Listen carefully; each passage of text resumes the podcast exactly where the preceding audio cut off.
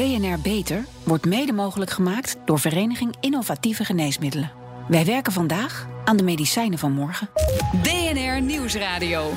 BNR Beter. Harmke Pijpers. Jaarlijks worden in Nederland ongeveer 110.000 mensen gediagnosticeerd met kanker. Bijna al deze mensen krijgen volgens de geldende richtlijnen een standaardbehandeling. Maar deze one-size-fits-all-methode volstaat vaak niet. Het nieuwe bedrijf The Organoid Factory TOF richt zich op het ontwikkelen van effectievere behandelmethoden. Welkom bij BNR Beter, het programma voor mensen die werken aan gezondheid. Mijn gasten vandaag Peter Peters, hoogleraar nanobiologie aan de Maastricht University, en Ronald van Dam, chirurg-oncoloog in het Maastricht Universitair Medisch Centrum. Ja, Peter Peters, we hebben afgesproken te tutoyeren. Uh, we kennen elkaar. Die Organoid Factory is dus opgericht om kankerbehandelingen veel nauwkeuriger en effectiever te maken dan de huidige standaardbehandelingen. Maar vertel om te beginnen, die standaardbehandelmethode, wat houdt die in? Nou, mensen worden vaak bij de diagnose geopereerd en als er dan geen metastase is, dan kunnen die patiënten vervolgens um, tien jaar gezond door het leven gaan. Mhm. Maar soms kan er een tumor terugkomen en dan hebben we dus een uitzaaiing. Ja. En wat we willen is van die primaire tumor al een organoid maken, zodat we kunnen kijken wat later mogelijkerwijs voor een medicijn gebruikt kan worden om die mensen te helpen. Ja. Ronald van Dam, je bent chirurg-oncoloog. Je opereert patiënten met voornamelijk lever- of alvleesklierkanker. Dus je haalt een tumor eruit. Maar de oorzaak van die tumor haal je daarmee niet weg. Hoe voorkom je dat die tumor terugkomt? Wat is het huidige protocol daarna, na die operatie? Het huidige protocol is dat er een, een aanvullende behandeling is uh, die je in elk geval aan een patiënt kunt aanbieden. Het is niet zo gezegd dat die patiënt die behandeling altijd ook moet ondergaan. Dat is mm zijn eigen keus. Uh, Alleen die behandeling die we dan aanbieden, is er een die in een studie bewezen is dat die de overleving zal verbeteren. Uh, en alleen dat is dan een standaard. Ja, en uh, je frustratie zeg maar, dreef jou uh, om verder te kijken of de kans op overleving groter zou kunnen worden gemaakt. Maar ja, frustratie, dat klinkt zo. ik denk de drang als, erg, maar, als, ja. als arts is: je wil zorgen dat je patiënten echt beter worden. Um, en de observatie was dat heel veel patiënten ziek worden van hun behandeling en uiteindelijk niet heel veel langer leven. Ja. Maar daar moet iets aan veranderen. Ja. Uh, met behulp van zogeheten organoïden he, zouden kankerbehandelingen meer op maat kunnen worden gemaakt. Uh, over organoïden hebben we het in uh, dit programma al vaker gehad. Maar vertel, die mini-organen, hoe werkt dat? Nou, hoe dat werkt is dat je door een, een, een, tumor eigenlijk een paar cellen daaruit te halen. En die kun je dan opkweken met spe speciale groeifactoren tot eigenlijk een kopie van zichzelf. Nou, en als je dan eenmaal zo'n kopie hebt, dan die kopie kun je opslaan en in een uh, vriezer bewaren voor de toekomst. Maar je kunt hem ook direct gebruiken om te testen of een behandeling, dat kan chemotherapie zijn, maar dat zou ook bestraling kunnen zijn, mm -hmm. of dat werkt. Ja. Um, en daarmee kun je dan kijken van kan je een hele specifieke op maat gemaakte behandeling met behulp van zo'n tumorkopie. Ja.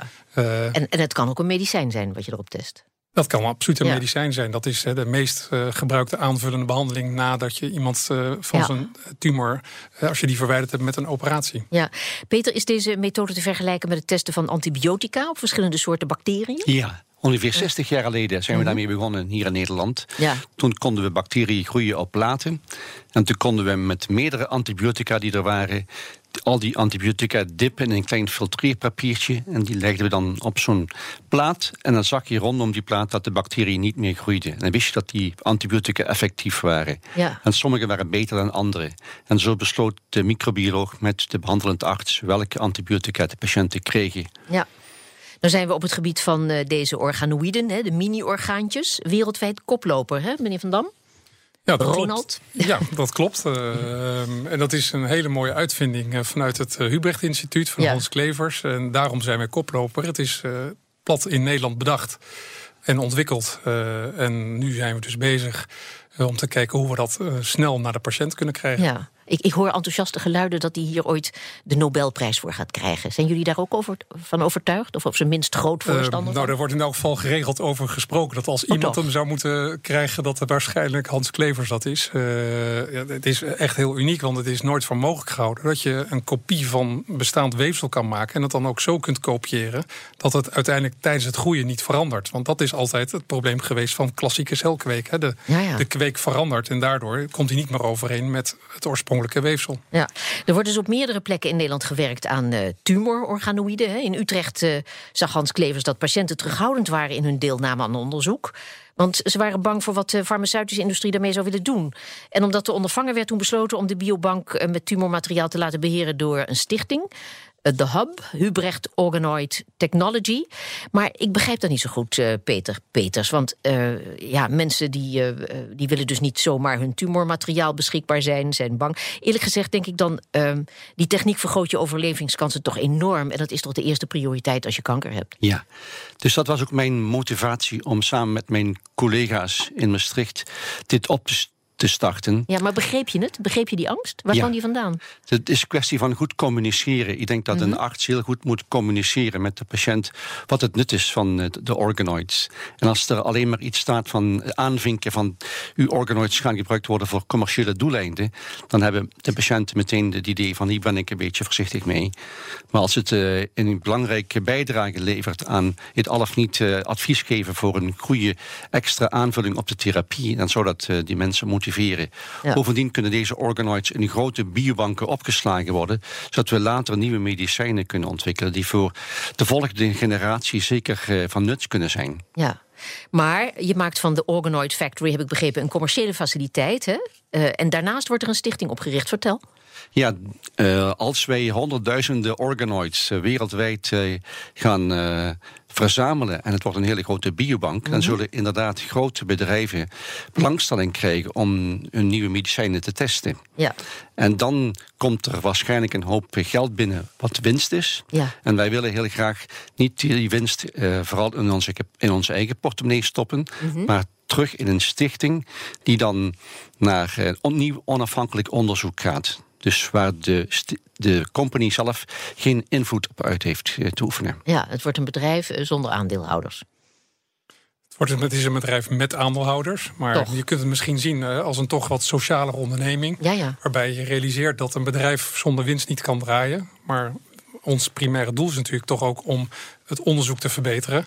En er zal geld terug moeten naar dat onderzoek. En op dit moment is het heel erg lastig om fondsen te werven. Dus het is eigenlijk een win-win model. Je kunt en een faciliteit waarmee je patiënten kunt uh, bedienen uh, neerzetten. En je kunt nieuw onderzoek doen. Ja. Nou, zijn er voor de ontwikkeling van nieuwe medicijnen ook uh, zeg maar, uh, bedrijven of organisaties opgericht waarbij shareholders value absoluut niet doorslaggevend mag zijn? Je aandeelhouderschap, zo weet ik me te herinneren, eindigt als uh, een, een, product op de markt komt. Dan ging het om, uh, om bepaalde medicijnen. Maar is dat aandeelhouderschap uh, onder controle? Is dat goed geregeld? Voor zover ik het nu kan overzien, is, dat goed, is dat goed geregeld. Ja. nou ja, het lijkt me echt belangrijk. Het is ontzettend belangrijk. Uh, ik denk dat het ook heel belangrijk is hè, dat een commercieel bedrijf, wat je uiteindelijk bent, misschien ook wel nodig is om deze technologie op dit moment uh, ook echt snel bij de patiënt te krijgen. Het is eigenlijk in mijn ogen soms vergelijkbaar als nieuwe andere technologie. Een iPhone komt alleen maar snel bij een consument als daar een groot bedrijf achter zit. Ja, de patiëntspecifieke behandeling, ook wel personalized medicine genoemd, is in opkomst. Onder andere door het testen van medicijnen op minitumoren. We hoorden al dat Nederland op dit gebied koploper is. Hans Klevers is de man die er als eerste in slaagde om tumorweefsel buiten het lichaam in leven te houden en op te kweken, zodat er medicijnen op getest kunnen worden. Ja, hoe staat het daar nu mee? Want het is een prachtig verhaal, eh, enorm veel hoop, hooggevend en terecht lijkt mij. Maar in hoeverre is deze techniek al beschikbaar voor patiënten? Ronald van Dam. Nou, het probleem is dat de techniek uh, voor patiënten niet echt beschikbaar is. Het is wel zo dat die beschikbaar is om onderzoek op te doen. Ondertussen is eigenlijk voor alle tumoren aangetoond dat je daar een kopie van kunt maken, dus zo'n mini-orgaantje. Ja. Uh, je kunt ze testen. In de laboratoria hebben we in, in een laboratoriumopstelling uh, uh, laten zien dat je ze kunt testen voor, op gevoeligheid voor onder andere chemotherapie. Um, het bij de patiënt brengen, dat is wat de uitdaging voor de, de, ja, de komende jaren is. Ja. Maar het is in principe beschikbaar. Ja, Peter Peters, mensen worden steeds mondiger. Hè? En kankerpatiënten al helemaal. Ze gaan op zoek naar mogelijke behandelmethoden, struinen het internet af en vliegen daarvoor soms dan toch naar de andere kant van de wereld. Hebben patiënten een belangrijke rol gehad in het versnellen van ontwikkelingen in het onderzoek naar kankermedicijnen? Ik denk dat de patiënten heel belangrijk zijn. Zij mhm. moeten die mondigheid hebben om ons te motiveren en te sturen. En uh, mijzelf, ik was, uh, als ik zelf een tumor zou krijgen nu, zou ik niet graag willen dat mijn eigen tumor in de formuline gegooid zou worden. Want dan zijn alle cellen dood of in een diepvries. Ik wil graag dat daar een organoid van gemaakt gaat worden. Zodat ik uh, zelf medicijnen zou kunnen testen. En in ieder geval zeker om medicijnen in eerste instantie te testen die vooral niet werken. Als zij in een organoid ongevoelig zijn en het organoid groeit gewoon door, dan is het onzin om dat in een patiënt te stoppen. Ja. Dus ik zou dat dat een belangrijk argument is ook naar de uh, ziektekostenverzekeraars. Want nu zijn medicijnen van 50 tot 100.000 euro volgens standaard protocol aan veel patiënten Mhm. toegediend. En uh, één op de drie kan er slechts uh, van profiteren.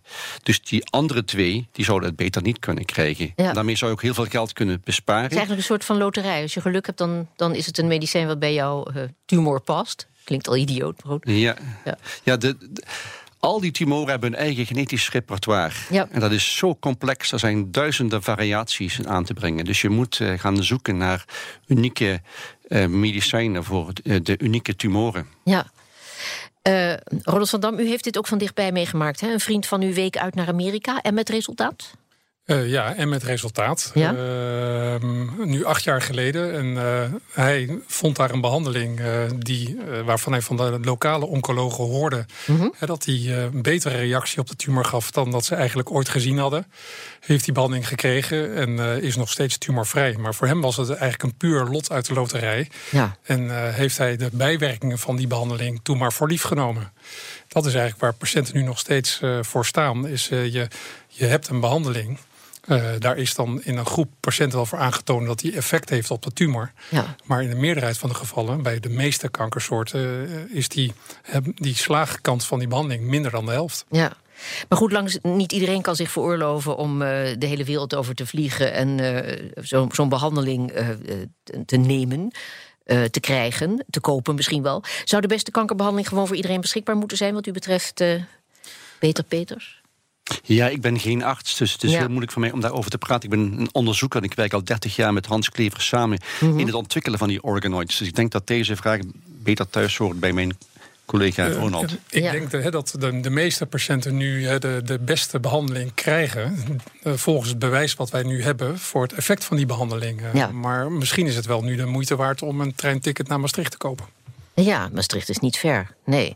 Maar goed, laten we even teruggaan dus inderdaad naar Maastricht, de Organoid Factory. Zullen toekomstige klanten vooral de patiënten zijn... of toch meer eh, farmaceutische bedrijven die producten op organoïden willen testen? Wat denk je, Peter Peters? Ik denk dat eh, in eerste instantie heel veel mensen op ons afkomen. Want de grote industrie heeft pas een interesse als je libraries van bibliotheken van duizenden organoïden van allerlei type tumoren hebt. En daarnaast ook nog een keer duizenden, van duizenden mensen, tientallen eh, organen waar je de organoïden van in kweek hebt. Zodat je eh, ook kunt testen op gezonde organoïden van gezonde weefsels. En dan kunnen we denken aan tientallen weefsels uit het lichaam. Ja. Of al of niet eh, deze nieuwe medicijnen daar geen toxisch effect op hebben. Ja. Maar goed, bedrijven verdienen nu veel aan de huidige, veel minder effectieve kankerbehandeling. Want dat is, dat is een feit. Die behandelingen worden door de toepassing van organoïden veel efficiënter. Bent u eigenlijk ook een, eh, of zijn jullie een bedreiging voor de farmaceutische industrie in die zin?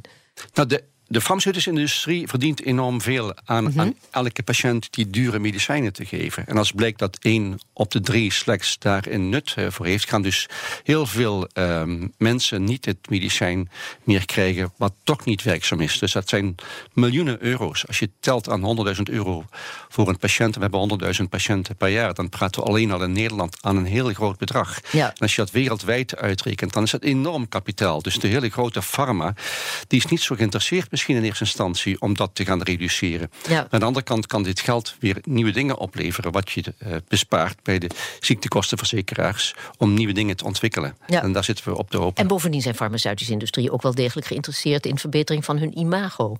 Ja, dat denk ik ook. Ja. Ja, maar goed, ik denk dat het wel heel erg belangrijk is dat patiënten zich nu realiseren dat je met een kopie van je tumor, ehm, dat kun je nu al doen. Eh, Ja. Je kunt het misschien nog niet direct eh, morgen gebruiken om je eigen behandeling aan te passen. Maar je hebt hem dan in elk geval wel als een soort verzekering in de vriezer liggen. En dat is wel een heel belangrijk iets. Want dat kun je maar één keer doen. Op het moment dat je kanker hebt eh, en op het moment dat de tumor verwijderd is. En in op sterk water in een pathologielaboratorium ligt, dan kun je hem niet meer kweken. Dus je kunt dat alleen maar nu doen. Ja. En dat is wel iets, denk ik, wat, wat wij zo snel mogelijk bij de patiënt moeten zien te krijgen. Ja. Eh, hoeveel kosten gaan we uiteindelijk door deze methode, die gepersonaliseerde eh, personalized medicine, hoeveel gaan we daarmee besparen?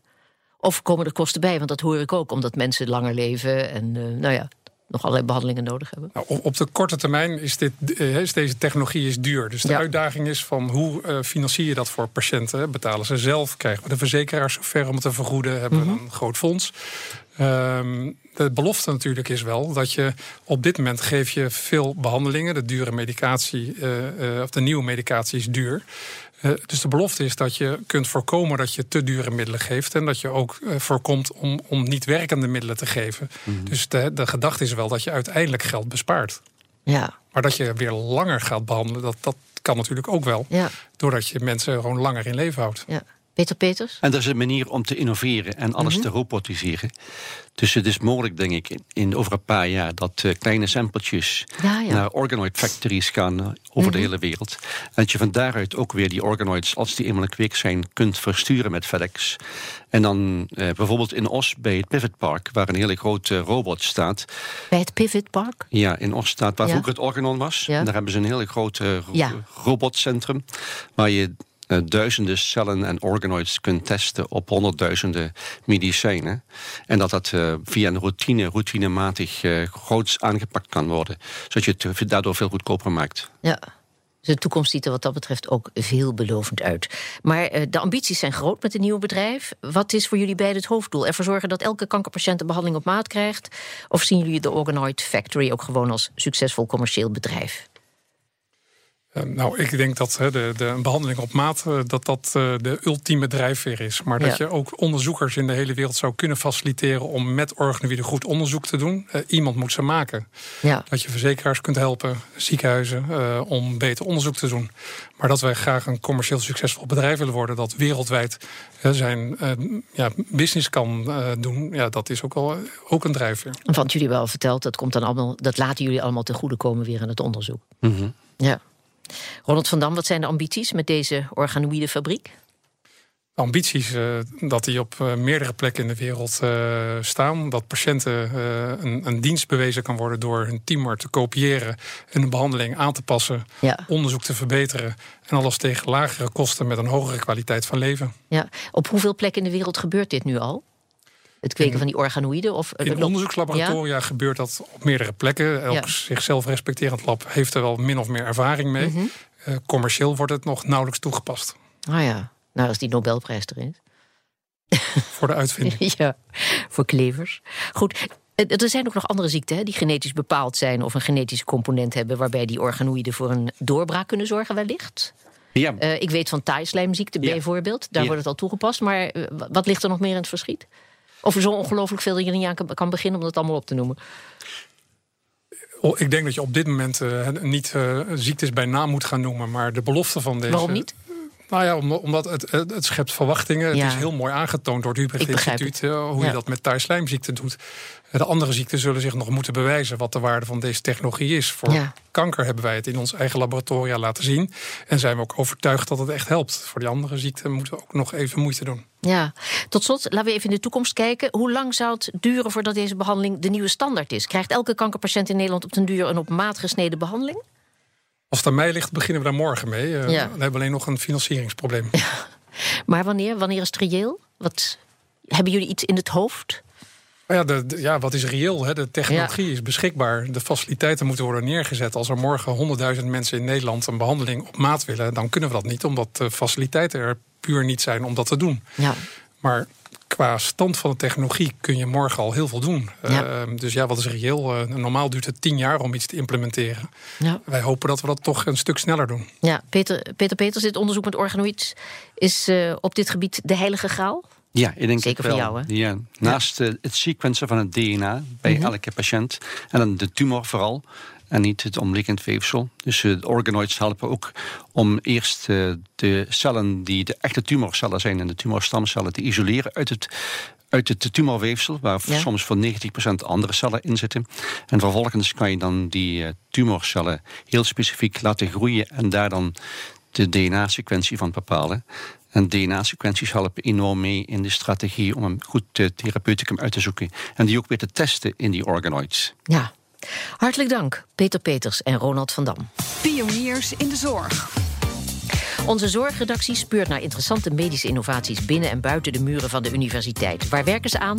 Dat moeten wij hierover weten. Esther Jansen, mensen die geïnteresseerd zijn in zorgpioniers kunnen deze week hun hart ophalen, heb ik begrepen? Jazeker, want deze week wordt de e-health week georganiseerd.